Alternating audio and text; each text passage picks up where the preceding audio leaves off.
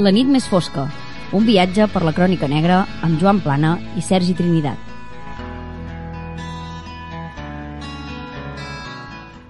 Els anys 90 van destacar l'estat espanyol, entre altres coses, per una enorme quantitat de segrestos de diversa índole. Els segrestos per motius polítics, com els de Quini, Publio Cordón, Ortega Lara i Miguel Ángel Blanco, i podent sumar altres segrestos perpetrats per persones anònimes contra persones de cert poder adquisitiu, com a forma d'assolir una gran quantitat de diners de forma relativament fàcil com els casos de la farmacèutica d'Olot, Maria Àngels Feliu, o el cas que tractarem avui, el d'Anabel Segura. Un segrest que ja veurem que va passar a ser considerat el més llarg de la història de l'estat espanyol a un dels més curts, tot i que va mantenir la societat del moment en tensió a l'espera d'un alliberament de l'Anabel que mai es va arribar a produir. Pels segrestadors, l'Anabel Segura no va ser més que un negocio que salió mal. Benvinguts a la nit més fosca. La nit més fosca. Bona nit, benvinguts una nit més a Ràdio Vilasacra, al programa La nit més fosca. Aquesta nit parlarem d'un segrest i un crim que va compungir la societat espanyola a la primera meitat dels anys 90. Parlem aquesta nit del segrest i el crim d'Anabel Segura i per fer-ho, com sempre contem amb la presència inestimable del nostre historiador habitual en Joan Plana Bona nit Joan Bona nit Sergi Com està Joan? Bé, molt bé, aquí preparat per parlar de... Crec que és el primer segrest que toquem. El, sí, però tanmateix potser no serà l'últim. No, potser no. no ho sabem, ja veurem. Aviam si els nostres espectadors també eh, ens suggereixen algun altre segrest que coneguin. Uh, Anabel Segura va ser segrestada l'any 1993 i en aquest moment, com sempre, uh, ens explicaràs el context històric uh, en el qual es va desenvolupar uh, els successos dels quals avui farem, farem referència. Bé, per entendre el, el cas, per entendre el, el context que afecta directament al cas, hi ha un parell de dades que, que cal explicar. La primera és que és un moment en què la, la policia a Espanya comença a introduir tot tipus de, de tècniques eh, noves, poc habituals fins a l'època, fruit sobretot de l'aplicació de les noves tecnologies, per tal doncs, d'intentar resoldre els seus casos. Aquí és quan hi ha, per exemple, l'aparició per una banda per exemple de proves d'ADN, però és quan hi ha també l'aparició de tot tipus de, podríem dir-ne, ciències auxiliars, com ara l'estudi de les veus, l'estudi de la cal·ligrafia, l'estudi de tot tipus de tècniques forenses que permeten traçar, per una banda, un perfil psicològic i físic de, del, dels criminals que busquen. Són tècniques que a altres països del món doncs, ja s'aplicaven des de molt abans, de fet són molt antigues, però que l'estat espanyol doncs, van trigar bastant a arribar i és a partir dels anys 90 quan s'estandarditzen i es comencen a utilitzar d'una forma més habitual i també és important destacar que és un moment que serà un personatge que encara que sembli bastant uh, random doncs és, és important pel, pel devenir dels fets com després explicarem. És un moment en què la presidència del govern espanyol l'ostenta Felipe González un president que tot i socialista estava molt ben connectat amb tot l'entramat empresarial espanyol amb alts directius de les grans empreses espanyoles, etc. I avui veurem com un dels protagonistes de, de la història d'avui és efectivament doncs, un gran directiu d'una multinacional instal·lada a Espanya amb connexions directes amb el president del govern espanyol. Estem parlant, a més a més, d'una època, com ja hem dit abans, en el qual hi, hi havia molts segrestos, molts d'ells per motius polítics, però també molts d'ells d'empresaris o petits empresaris o grans empresaris amb un, amb, un, amb un cert poder adquisitiu en el qual feia que molts delinqüents eh, trobessin una forma d'aconseguir diners ràpid i bueno, fàcil, fa de mal dir, però, però, però fàcil, perquè estem en un context de certa crisi econòmica també Sí, de fet veurem justament que els dos protagonistes d'avui, els dos malfactors, en absolut doncs, eren segrestadors professionals ni res per l'estil, eren persones que tenien problemes econòmics i que van decidir que a través d'un segrest era una bona manera d'intentar posar-hi fi.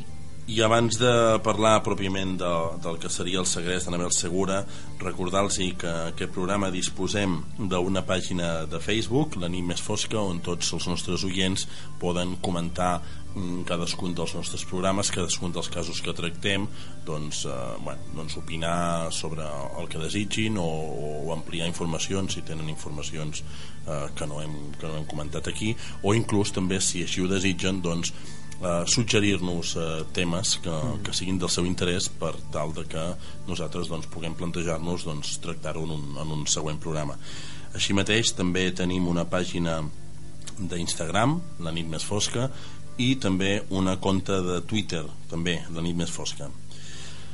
Joan eh, l'any 1993 com dèiem una noia de, del barri madrileny de la Moraleja estava, va sortir a, a córrer, va sortir a fer jogging i la van, la van segrestar Sí, efectivament, aquella, aquella tarda d'aquell dilluns 12 d'abril de 1993, una noia de 22 anys, Anabel Segura Foles, va decidir sortir a fer esport pel seu barri i va desaparèixer. Les úniques pistes que es tenien de la seva desaparició eren el testimoni d'un dels jardiners de l'urbanització, un home gran d'uns 62 anys, que va presenciar els fets. Estrictament no els va presenciar, va sentir com l'Anabel cridava quan eh, l'agafaven, llavors ell va anar corrents a veure què passava i l'única cosa que va poder veure va ser com una furgoneta blanca, de la qual no va ser capaç d'identificar la matrícula, s'allunyava del, del lloc dels fets. I l'única pista que deixava en el lloc on havia succeït el segrest era la jaqueta de, de xandall de, de la noia que va quedar,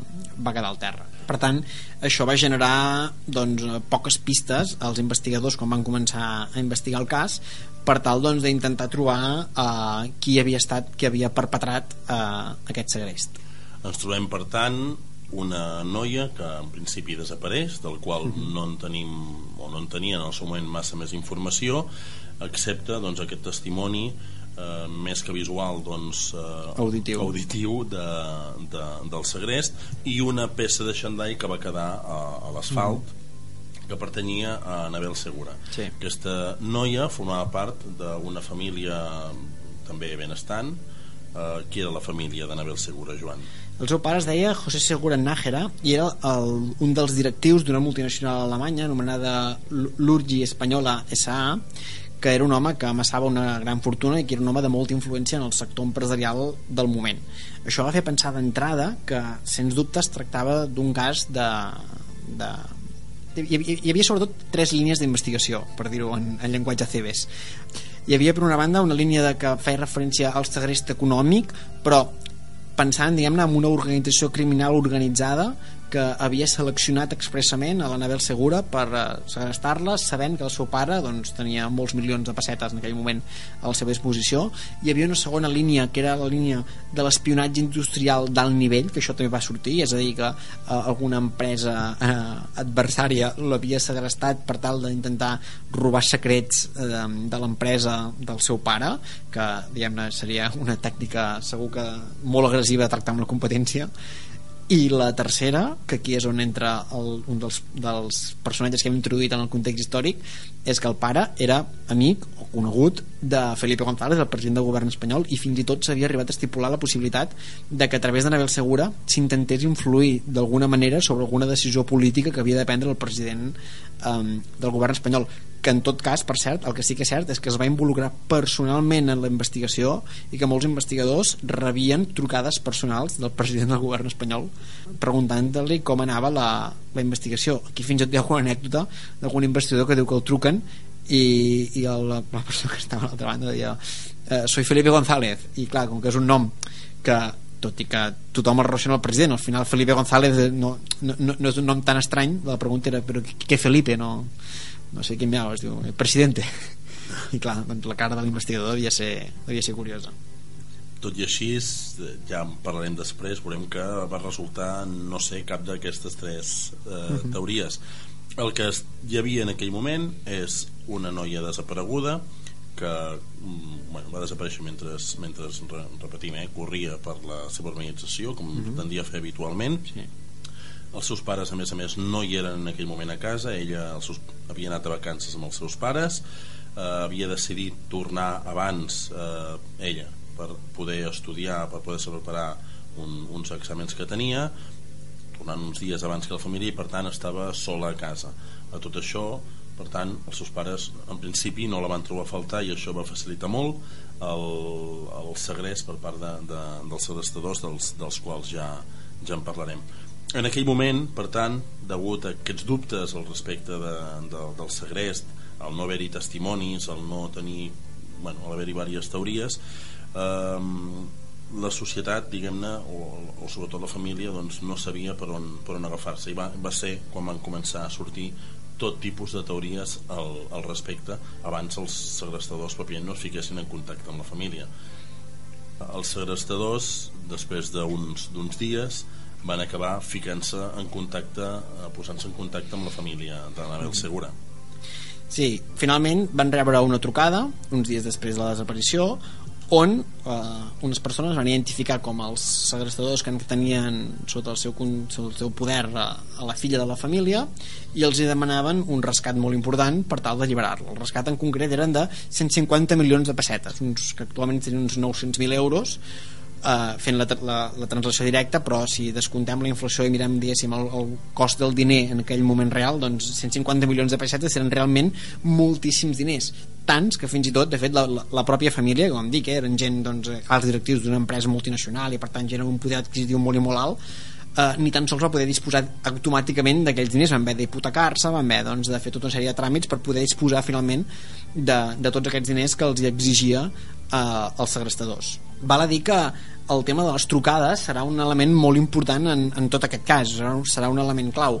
En total rebran aproximadament unes 16 trucades que es creu que són dels segrestadors que realment tenien la Nebel segura. I diem això perquè al llarg de tot el procés hi haurà centenars i centenars de trucades que es posaran en contacte amb la policia fent-se passar pels segrestadors eh, quan realment no ho eren per diversos motius. Hi havia des d'oportunistes que trucaven a veure si sonava la flauta i podien embutxacar-se un tanto o també hi havia gent doncs, que es dedicava a fer broma en, en casos com aquest i trucava fent-se passar pels segrestadors doncs, per fer la gràcia o per fer-se l'important.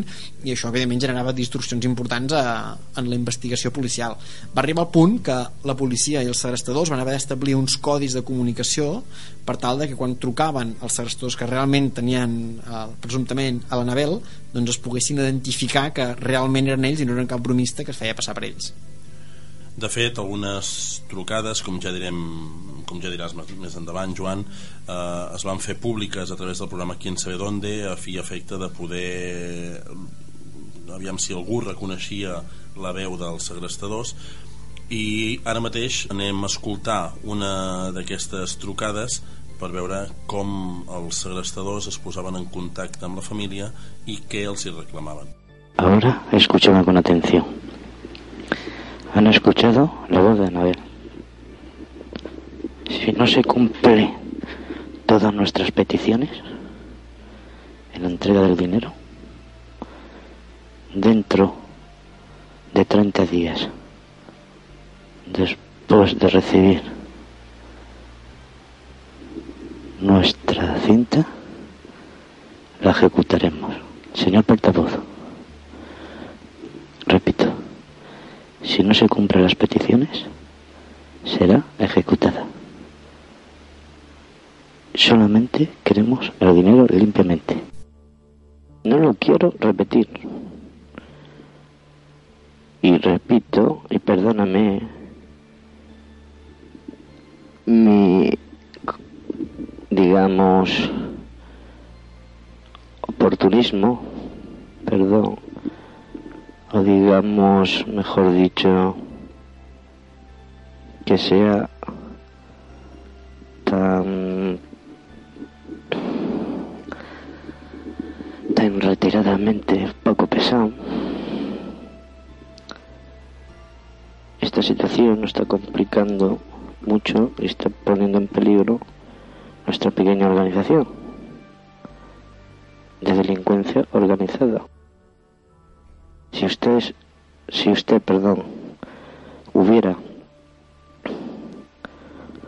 hecho todo lo que le dijimos en la primera llamada o segunda, ¿eh? sin presencia policial, esto hubiera llegado ya a un buen cauce.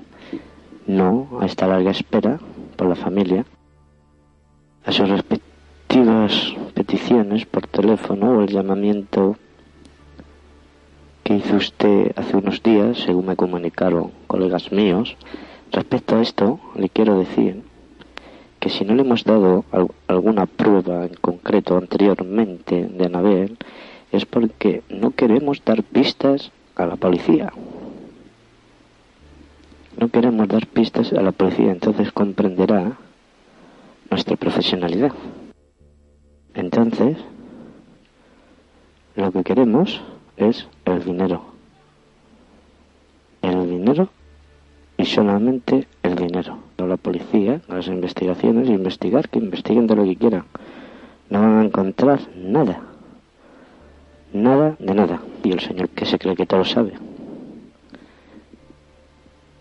Y para mi humilde opinión, sabe menos que pimientos colorados.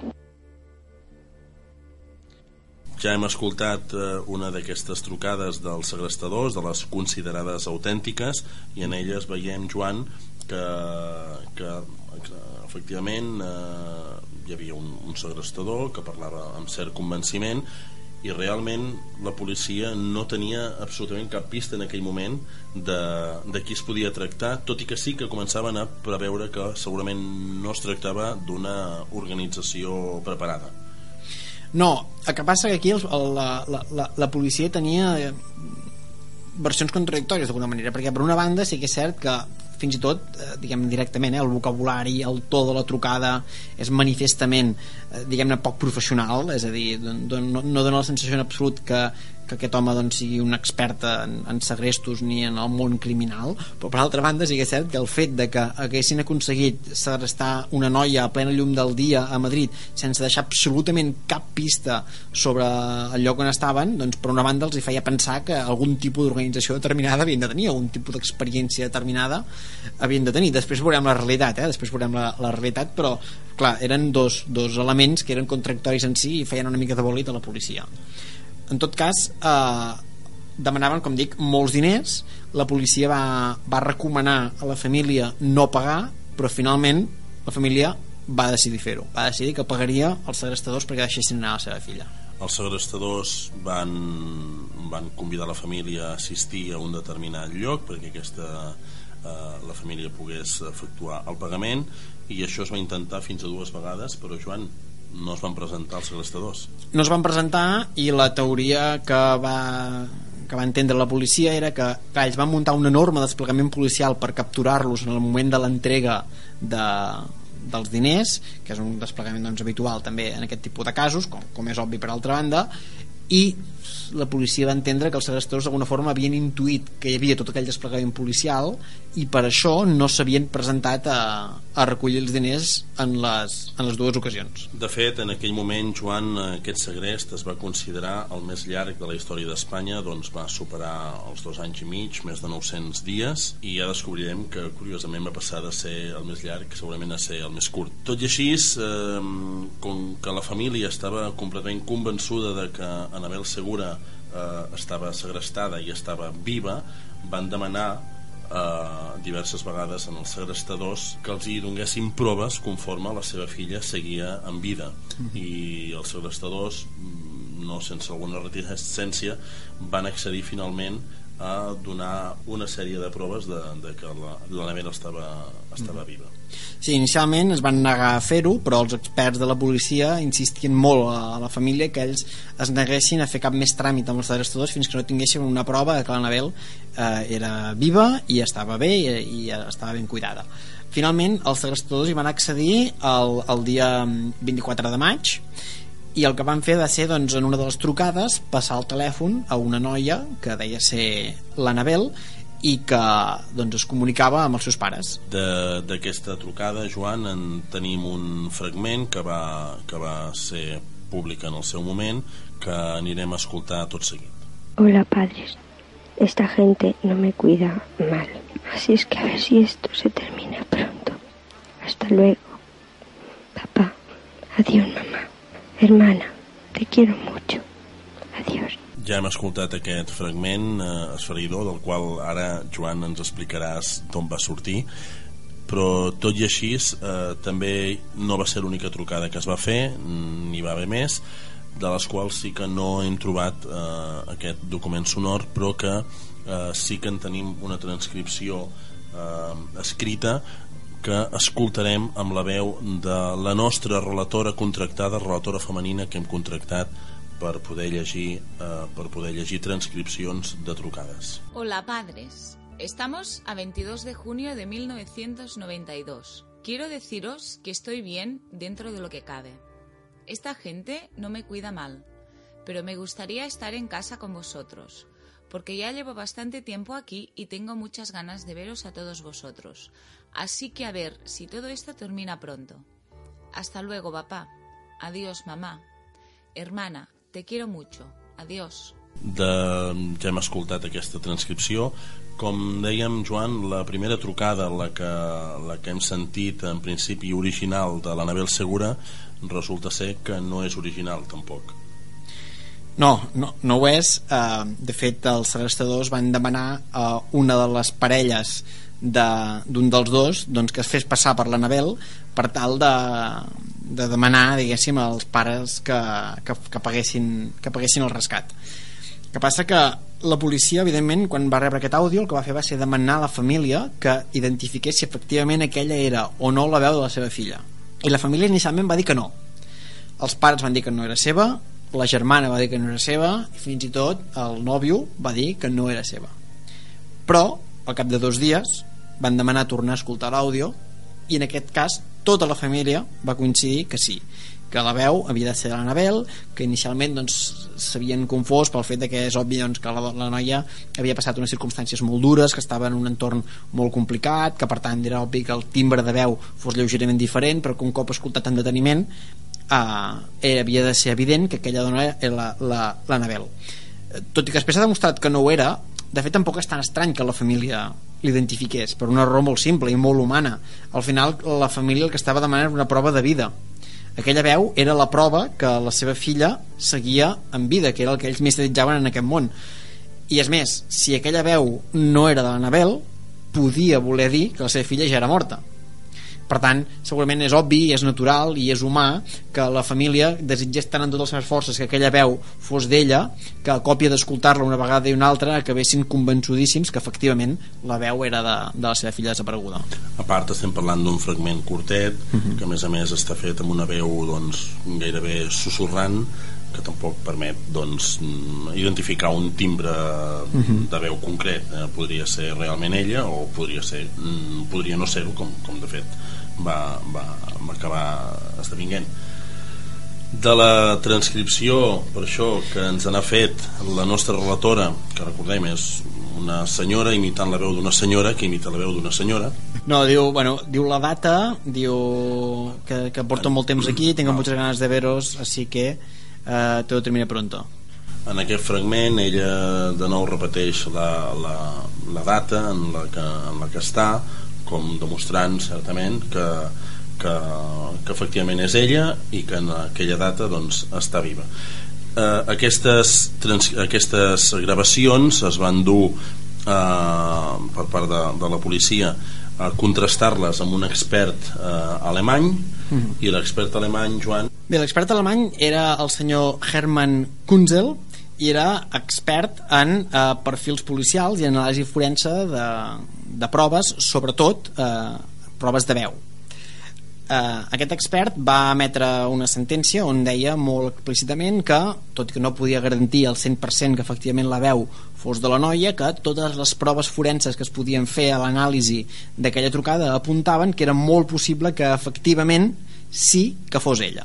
De fet, tenim també una transcripció en castellà de l'informe que va fer aquest expert alemany sobre aquesta, aquesta veu de, que vam sentir la trucada. Anem a escoltar eh, aquesta, aquest fragment d'aquest informe de, de l'expert alemany. La secuestrada se encuentra en un estado anímico deplorable, absolutamente pesimista en cuanto a su futuro y a su liberación y con ninguna o pocas esperanzas de salir con vida. Es muy improbable que sea una voz de mujer fingida. He oído frecuentemente voces grabadas en tales circunstancias de secuestros y tanto el texto como la inflexión de la voz de Anabel son características de un secuestro.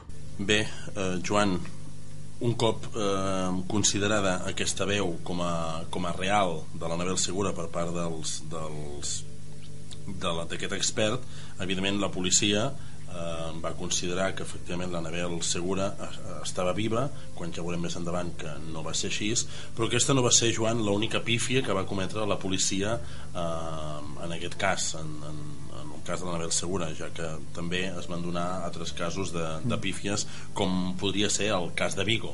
Sí, realment, a veure, és un cas que a la, a la policia espanyola, de fet, gairebé diríem a, a l'estructura eh, institucional de, de la policia va afectar bastant a, a la seva reputació, perquè realment les pífies successives de tot el cas van ser moltes, van ser esperpèntiques, i per exemple això d'arribar doncs, a consultar experts estrangers, alemanys, i que et facin informes que segur que devien costar una fortuna, i, i que a sobre estan malament, doncs eh, realment va ser un d'aquells casos que només per això passen a la història. Però un dels casos més sonats que va viure eh, la, la, la policia en el seu intent de trobar l'Anabel va ser el, el 8 de juliol de 1995 quan es va produir una operació policial patètica al ple centre de Vigo. I tot venia perquè la comandància de la Guàrdia Civil de Pontevedra va tenir el coneixement d'una existència d'un full que havien fet passar per sota d'una porta d'un habitatge presumptament, és a dir, van trobar un full davant de, de la porta d'un habitatge i van creure que l'havien fet passar per sota amb una nota que deia Necesito ayuda, soy Anabel Segura. Estoy secuestrada justo encima de ti. Anabel Segura, socorro, ayúdame Bé, la policia va agafar aquesta nota, la va portar un expert cal·ligràfic, etc que va dir que amb un 80% de seguretat aquella lletra havia de ser efectivament de la Nabel Segura amb les proves que tenien que havien trobat el domicili de la noia. Llavors van estar investigant el, el domicili del qual havia sorgit i van descobrir que aquell domicili pertanyia a una professora anomenada Irene del Río una professora d'un institut de la zona la senyora Irene del Río li van posar una investigació policial al voltant, van analitzar el seu comportament, les seves anades i vingudes, van, van analitzar fins i tot quan anava a comprar quant de menjar comprava, si era equivalent al menjar doncs, el que necessitava una persona o més d'una, perquè si necessitava més d'una, si comprava menjar per més d'una, doncs podria, podria voler dir que tenia la Navel Segura tancada al seu pis, i un bon dia la senyora Irene del Río doncs, va mm, estar sense sortir de casa un parell de dies i durant aquell parell de dies anava moltíssima gent a, a casa seva, pujava i baixava això va fer pensar la policia que es tractava doncs, d'una doncs, organització criminal que tenia tancada a l'Anabel en el pis que havien descobert tot el dispositiu policial muntat i que estaven eh, enviant gent allà per preparar un possible trasllat de la noia. La qual cosa va fer que un bon dia de matinada entressin al pis allò en, en plan geos esbutzant la porta entrant tots allà a, a sac i fent doncs, un desplegament policial eh, espectacular i a dins del pis que van trobar Sens dubte l'Anabel Segura no. No, van trobar la senyora del Río morta de por, enfebrada de caldeu perquè tenia un refredat i aquells últims dies no havia sortit de casa perquè estava malalta i el que havien anat a veure eren amics seus, companys de feina i alguns alumnes del seu institut on feia classes que l'havien anat a visitar per saber com, eh, com es trobava. déu nhi l'espant de la senyora del Río devia ser èpic i encara sí, sí, el deu sí, tenir sí. El, el cos si aquesta senyora segueix en vida. Sí, sí. déu nhi a tot això, com, com és evident, sempre que hi ha mm, casos de segrestos o casos similars, és un filó eh, per molt tipus de persones. I entre ells, evidentment, qui va intentar guanyar-se la vida o, o adquirir cert protagonisme en tot aquest afer van ser molts vidents que asseguraven conèixer uh -huh. eh, on era l'Anabel Segura. I a tot això, Joan, eh, explica'ns una mica, aviam, eh, de tota aquesta de tota aquesta amalgama d'evidents de, de, de alguns dels més dels que van adquirir més notorietat. Bé um, la família de Nabel Segura inicialment, sobretot el pare es, es va negar en rodó a participar a qualsevol mena doncs, de pràctica alternativa de busca a través doncs, de això, burxots eh, i, i, i mags diversos. El que passa que pas dels mesos realment la desesperació de la família es va fer cada vegada més evident i sobretot la mare de la família va com començar a veure en aquest tip perfil de gent una via, una via d'escapatòria una manera de trobar un fil d'esperança que li permetés tenir unes dades mínimament sòlides en les quals basar-se per creure que podria recuperar en vida la seva filla.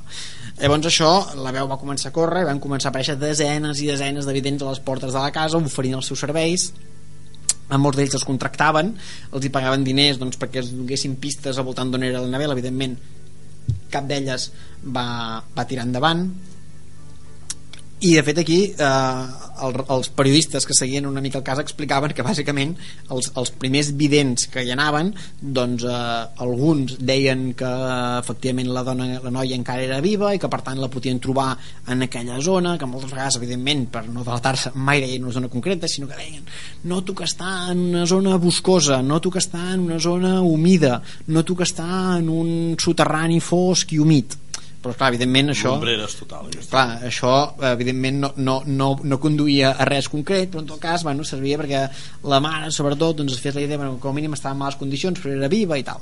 Llavors hi havia un altre perfil d'evidents que el que deien directament era no, no, ostres, jo noto que està morta noto que està sota terra, noto que està eh, podrint-se, noto que d'allò i evidentment aquests doncs, els feien fora de seguida perquè al final el que volien sincerament no era tant doncs, tenir pistes reals perquè ja devien saber que amb els evidents no, no, no les trobarien sinó que era això, doncs, mantenir un fil d'esperança, mantenir una llum al final del túnel. Aquí, per cert, hi ha una altra història que, que va generar cert debat, eh, sobretot de deontologia periodística a l'època i és que en un moment determinat es presenten dos, policia, dos periodistes a la comissaria de policia i afirmen que tenen un confident que té informació sobre el lloc on està l'Anabel Segura però que només els ha donat una part d'aquesta informació i que vol mantenir el seu anonimat això va generar al seu moment tot un debat important sobre la capacitat i els límits del secret professional periodístic. És a dir, aquests dos periodistes que van anar a la comissaria van dir que tenien un, un confident que li havia donat una part de la informació però que volia mantenir el seu anonimat, tenien dret a mantenir l'anonimat del seu confident o no?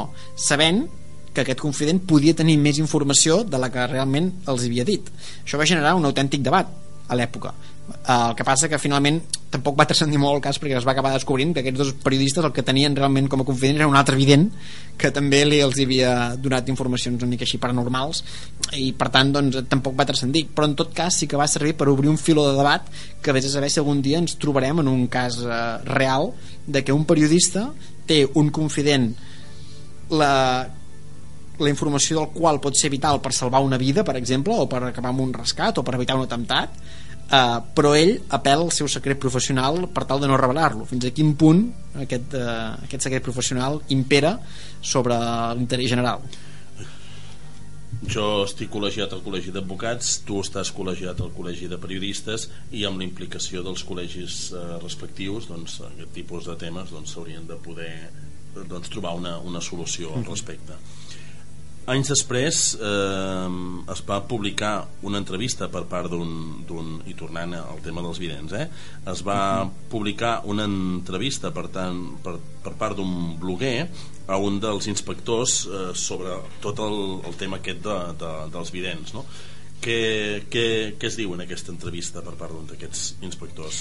Doncs mira, hem seleccionat un dels fragments en què aquest eh, inspector li va dir en aquest bloguer, el senyor eh, Manuel Carballal en què explicava que, esclar, que realment doncs, els, eh, els inspectors ja inicialment eren molt escèptics sobre la possibilitat de que els vidents els poguessin portar a cap banda, però que finalment, després de molts mesos amb tantíssims vidents entrevistats, arriba un punt que realment ho arribaven a normalitzar i, i arribaven fins i tot a dubtar ells mateixos de si realment podien o no tenir raó. Eh, tenim eh, un fragment que hem demanat al nostre relator que, que ens reciti. Doncs escoltem aquest fragment d'aquesta entrevista per part del nostre relator d'entrevistes contractat a Telefecta. Ya te digo, pasaron cientos de videntes por aquí y cada uno decía una cosa. Sin embargo, hubo una vez que tres videntes distintos me dijeron por separado un mismo pueblo de la provincia de Guadalajara, y esto me mosqueó. No solo porque coincidiesen tres videntes, sino porque nosotros ocultamos a la prensa que el primer pago del rescate se intentó en la provincia de Guadalajara, Vaya. y esto no lo sabía nadie. Por eso, cuando un vidente me hablaba de Guadalajara, yo le prestaba más atención, igual que cuando me hablaban de Cuenca, que fue donde se sentó el segundo pago. Bueno, sí, sí. Doncs ja hem escoltat aquest mm, testimoni, aquesta entrevista d'aquest inspector de policia sobre els vidents, curiós si més no. Tot i així, Joan, què em diries del cas de la plaça de Salamanca?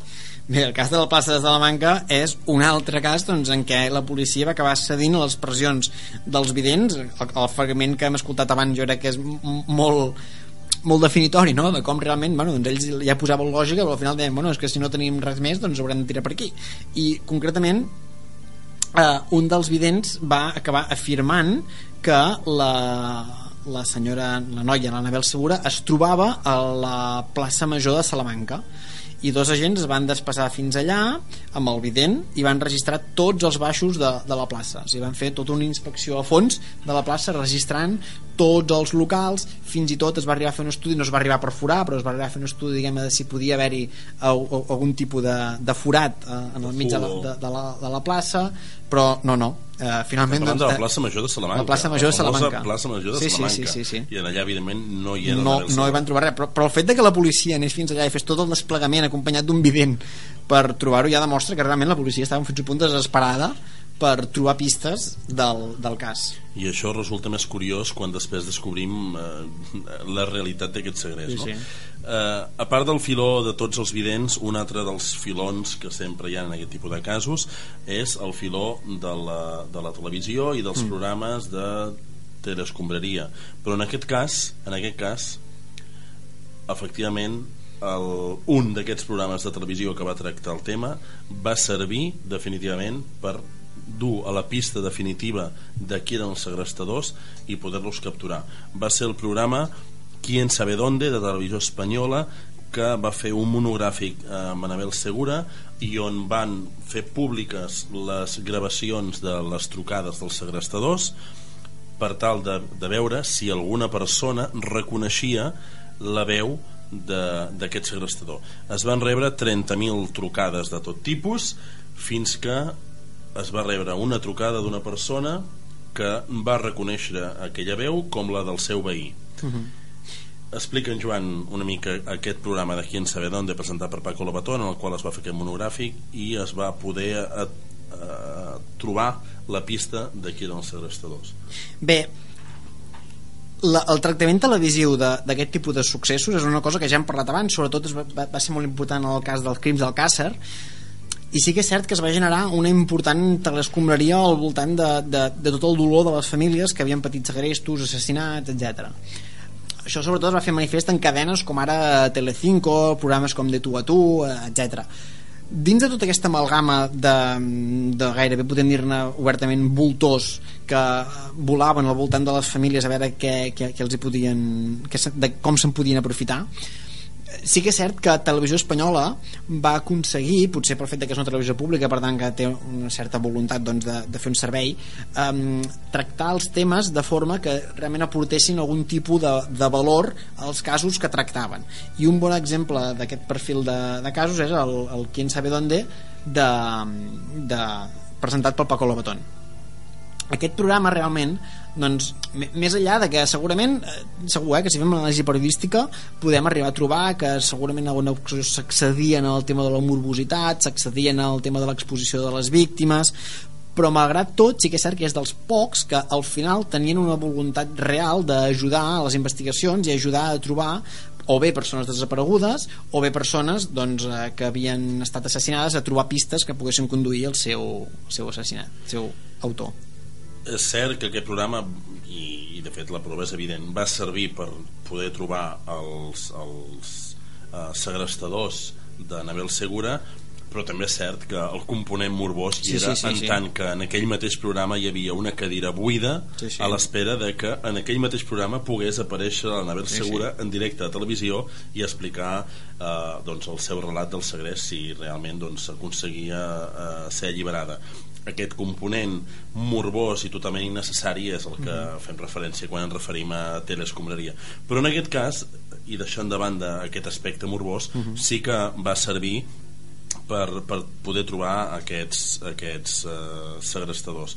Anem a escoltar un fragment d'aquest programa on Paco Lobatón demana amb certa pompositat que tothom apagui els llums de casa, apaguen els llums del plató per poder escoltar perfectament la veu d'aquests segrestadors i poder prestar atenció només en la veu per aviam si algú. Y ahora vamos a dar un paso más todavía. Quiero pedir a todos los que nos siguen desde sus hogares, a través de Radio 1, Radio Nacional de España, o a través de la primera de televisión española, que hagan lo que vamos a hacer nosotros. Vamos a atenuar las luces del estudio. Lo vamos a hacer bastante, para que nada nos distraiga, para que podamos escuchar de una forma lo más clara posible, en este caso, escuetamente y estrictamente, la voz del secuestrador en este primer fragmento, son apenas 30 segundos, ni siquiera medio minuto. ¿Es posible ese esfuerzo? Si es así, gracias anticipadas por apagar las luces de sus casas, de su sala de estar, como hacemos nosotros ya. Y vamos juntos a escuchar. Ahora escúchame con atención. Han escuchado la voz de Anabel. Si no se cumple todas nuestras peticiones en la entrega del dinero, dentro de 30 días después de recibir nuestra cinta, la ejecutaremos. Señor portavoz, repito, si no se cumplen las peticiones, será ejecutada.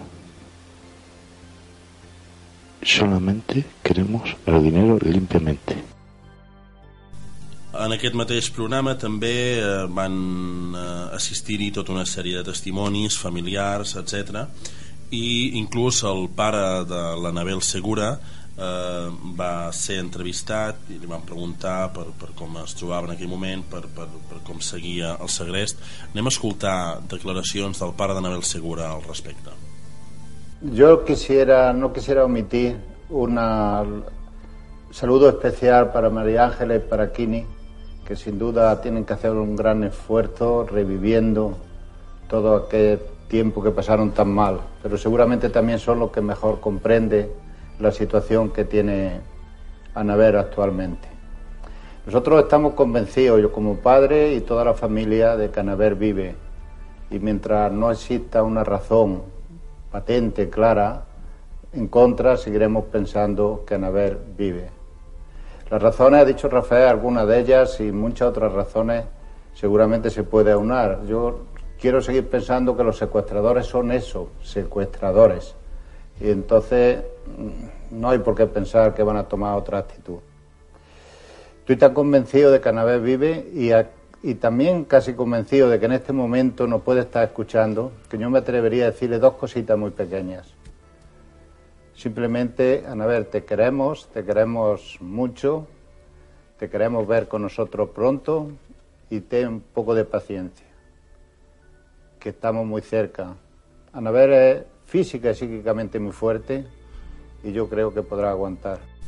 En aquest programa Quién sabe dónde, com ja hem dit, eh, un, una, entre una de les 30 30.000 trucades que es van dur a terme, 29.999 de falses, una d'elles eh, va resultar ser certa i era un veí que va reconèixer la, la veu d'un altre veí seu en una d'aquestes trucades i això va ser la pista definitiva que va dur els segrestadors. Qui eren aquests segrestadors, Joan? Doncs aquests segrestadors, que als quals va, va arribar la policia, eren dos homes de la província de Toledo, concretament dels pobles d'Escalona i Pantoja, i en concret es deien Emilio Muñoz Guadix, un home d'uns 38 anys, conegut com el xurrero de Pantoja, i Cándido Ortiz Añón, de 35 anys, conegut com a Candy, tots dos, com diem, de, de la província de Toledo. Eren dos homes que vivien doncs, en un, en, vivien problemes econòmics greus i van decidir, com hem dit al principi, doncs, que el segrest era la millor manera d'intentar remediar-los. Val a dir que una cosa que va descobrir la policia quan els va descobrir, que era una cosa que, que ja sospitava però que va acabar de constatar, és que l'execució del crim l'execució del segrest, vaja, va ser extraordinàriament rudimentària. És a dir, eren dos homes que després escoltarem com un dels dos ho explica en primera persona, eh? però ells van decidir un bon dia anar a una urbanització de Madrid, que era una urbanització benestant, i segrestar la primera persona que trobessin i no tenien cap informació de si l'Anabel era una noia rica, si la seva família tenia diners, si la seva família tenia influència o sigui, va ser una, una selecció totalment aleatòria. De fet, un dels dos explica explícitament que ja estaven a punt de deixar-ho perquè no trobaven ningú i just abans de marxar la van veure venir corrent però és que, a més a més, l'abans d'estar a plena llum del dia no tenien preparat lloc on guardar-la, no tenien preparat cap mena d'estratègia per anar, un cop demanat els diners, per anar-lo a recollir sense que els, els enganxés la policia. És a dir, realment era una, una, bueno, era una organització totalment rudimentària però això, per altra banda, el que va fer va ser impossibilitar que la policia pogués arribar fins a ells abans, perquè entre ells i l'Anabel Segura no hi havia cap mena de lligam. De fet, és que ni tan sols sabien qui era aquella noia. Per tant, era pràcticament impossible que la policia pogués arribar fins a ells si no hagués estat gràcies a la identificació d'un dels veïns que, que va dir que, que, va, que reconeixia la veu. De fet, la, la idea d'aquests segrestadors, tal com van explicar ells més, més tard, era eh, acabar amb el segrest aquella mateixa tarda era aconseguir eh, um, segrestar la noia guardar-la, diguem-ne, per dir d'alguna manera a dintre de la furgoneta aconseguir els diners aquella mateixa tarda i deixar-la anar què es van trobar? Es van trobar que eh, aquella noia, com ja han dit, els seus pares no hi eren, estaven fora i per tant no, el pagament no es podia fer efectiu aquella, aquella tarda i el no tenir un lloc on poder-la deixar van decidir acabar amb ella tal i com ja explicaré més endavant. Inclús una, una de les coses curioses és que com molt bé has dit ni sabien qui era ni coneixien la, la, la, les finances de la seva família i de fet en, el, en una de les pel·lícules que es van fer sobre o, o telefilm que es va fer sobre el segrest de Nabel Segura els propis segrestadors, un cop ella dintre la furgoneta li pregunten qui és i li demanen qui és la seva família i li fan tota una sèrie de preguntes. Com molt bé deies, Joan, eh, un segrest totalment rudimentari, mal planificat. Mm -hmm. eh, com sempre, eh, un cop eh, detinguts eh, aquests senyors, eh, se'ls va interrogar i va ser quan van confessar que l'Anabel Segura va morir el mateix dia del segrest i que la van enterrar a un poble a prop de Toledo. Sí, ells van explicar que, clar, de fet no tenien res previst pel segrest i per tant un cop la van haver segrestat van veure que no la podien deixar anar perquè de fet els havia vist la cara, els havia vist el nom, li havia vist la furgoneta vull dir, havia sigut molt fàcil identificar-los i bueno, van eh, reaccionar de forma salvatge i van acabar estrangulant-la i va morir aquella mateixa tarda. Llavors el que van fer va ser agafar el cos i enterrar-lo en una localitat de, de Toledo que és Numancia de Sagra que està a uns 42 quilòmetres de Madrid. I malgrat tot van tenir la sang freda d'allargar el, el segrest diguéssim, bueno, el segrest ja, ja no perquè la noia estava morta però en tot cas la farsa durant més de dos anys i mig i tru seguir trucant als pares demanant els diners, fent passar la, la parella d'un dels dos segrestadors com la, la Nabel Segura i per tant a més a més generant tot el rebombori eh, mediàtic i, i evidentment tot el dolor familiar eh, a la família en qüestió eh, només per aconseguir uns diners que finalment tampoc van acabar aconseguint. Vull dir que realment va ser una, un crim autènticament esperpèntic. Un cop els segrestadors van confessar que havien assassinat Anabel Segura eh, en, en aquella fàbrica abandonada de Numancia del Sagra eh, la, la, la policia, els forenses van anar a intentar localitzar el cos i efectivament ho van, van fer de matinada en unes imatges que van, van circular per totes les televisions i diaris espanyols mm -hmm. eh, del moment i que posava fi a dos anys i mig d'autèntic eh, el que en dirien en castellà d'un estado d'estar de, en vilo per part de tota la societat espanyola i per descomptat eh, de, la, de la família. I que la, la delegada del govern espanyol del moment va ser l'encarregada de denunciar la troballa i més que la troballa la certificació que la, la troballa era de, de la Nebel Segura eh, en directe en una roda de premsa. Vull dir que va ser un cas que va assolir com dèiem moltíssima importància tant mediàtica com institucional. Anem a escoltar eh, fragments d'aquest dia de, en què es descobreix el cadàver d'Anabel Segura en aquesta fàbrica eh, abandonada d'aquesta població de Toledo. Cuánto lamento tener que dar esta rueda de prensa en estas condiciones en el momento que acaba de ser encontrado el cadáver de Anabel. Sus presuntos asesinos fueron detenidos y hoy mismo han pasado a disposición judicial. En las últimas 48 horas ha sido la información más difundida por todos los medios de comunicación, pero no todo está dicho. A medida que las horas pasan, trascienden más detalles de lo ocurrido. Todo acabó, de todas formas, como nadie quería creer en los últimos dos años y medio. Todo en esta historia es cruel. El azar en la elección de la víctima, su inmediato asesinato y el, el larguísimo engaño en el que eh, sus asesinos han mantenido a una familia que ha vivido todo el tiempo con la ansiedad de la espera. Este diente ha sido. Este diente yo que lo ha enganchado a la cintura del chándal y había cuando se ha empezado a ver ya los restos de la ropa y ya de ahí pues salía a escalvar a mano y hasta que se ha sacado todo a flote. Justamente donde nada más moverlo, el cuerpo estaba entero. Se veía las paletillas, una media, una, una malla negra, que es lo que más entero estaba, porque lo otro, el chándal y todo eso estaba deshecho. Lo han estado mucho tiempo recogiendo pequeños restos, ¿no? Ha debido de pasar lo siguiente, que la pala, pues, al conmoverlo, pues, pues la, la- la ha movido, pero ella, ella, ella estaba entera. A las 4 de la tarde se procedía al levantamiento del cadáver de Anabel Segura. Bé, Joan, eh, com sempre, eh, els culpables d'aquest segrest i assassinat eh, van ser jutjats i posteriorment condemnats. Mhm. En concret, tant Càndido Ortiz com Emilio Muñoz van ser condemnats inicialment a 39 anys, però poc després el Tribunal Suprem ho va pujar fins a 43 i la, la parella d'un dels dos, que és aquella que s'ha fet passar per l'Anabel Segura, tot i que també va ser condemnada, finalment no va acabar entrant a presó.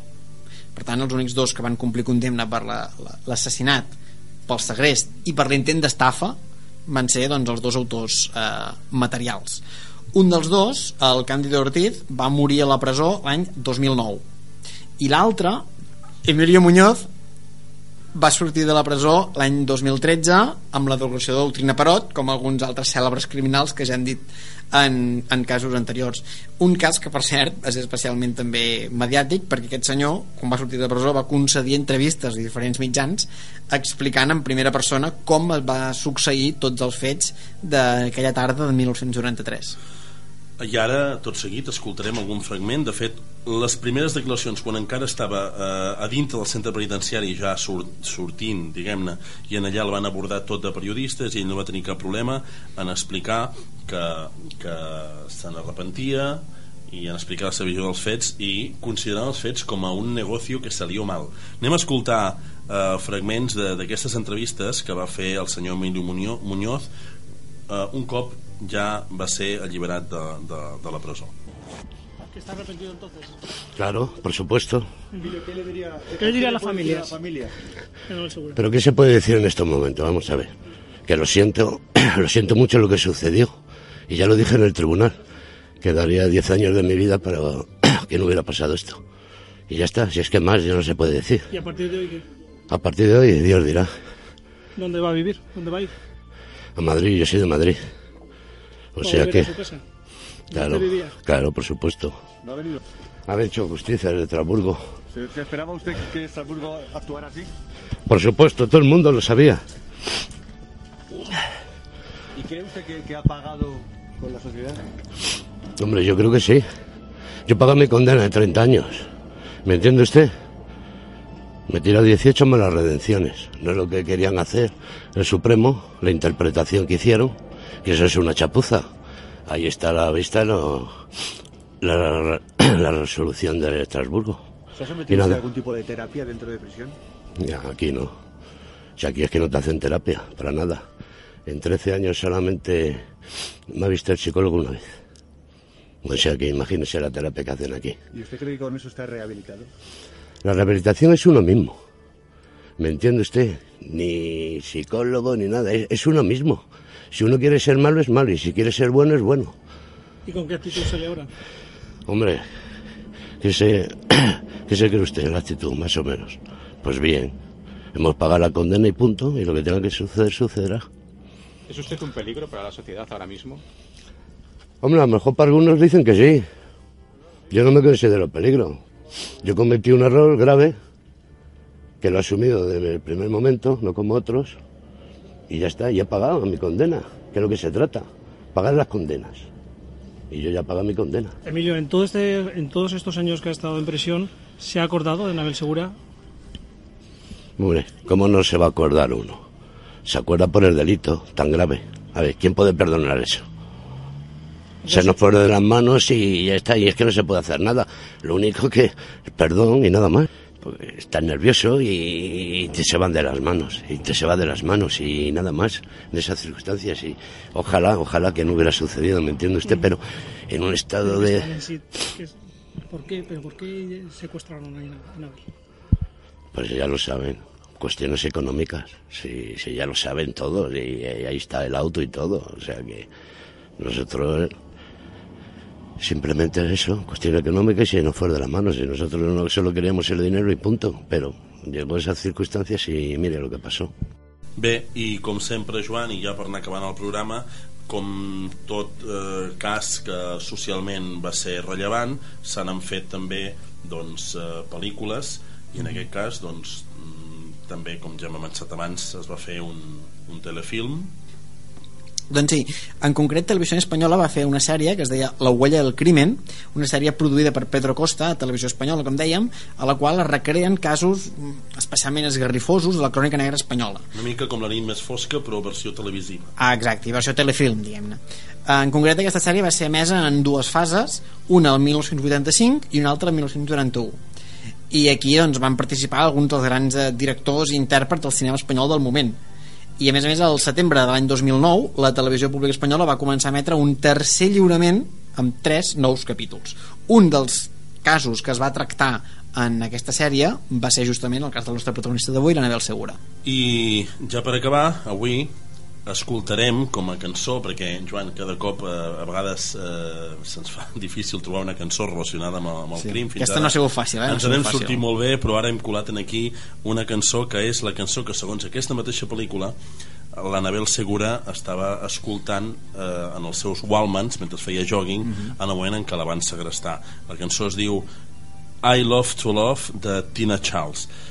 Abans de- d'acomiadar-nos, recordar que tenim una pàgina de Facebook, una pàgina de Twitter i una pàgina d'Instagram on tots vostès ens poden seguir, poden posar m'agrada i ens poden comentar el que desitgin i també recordar que aquest programa s'emet amb la col·laboració dels nostres companys d'Animals de Nit.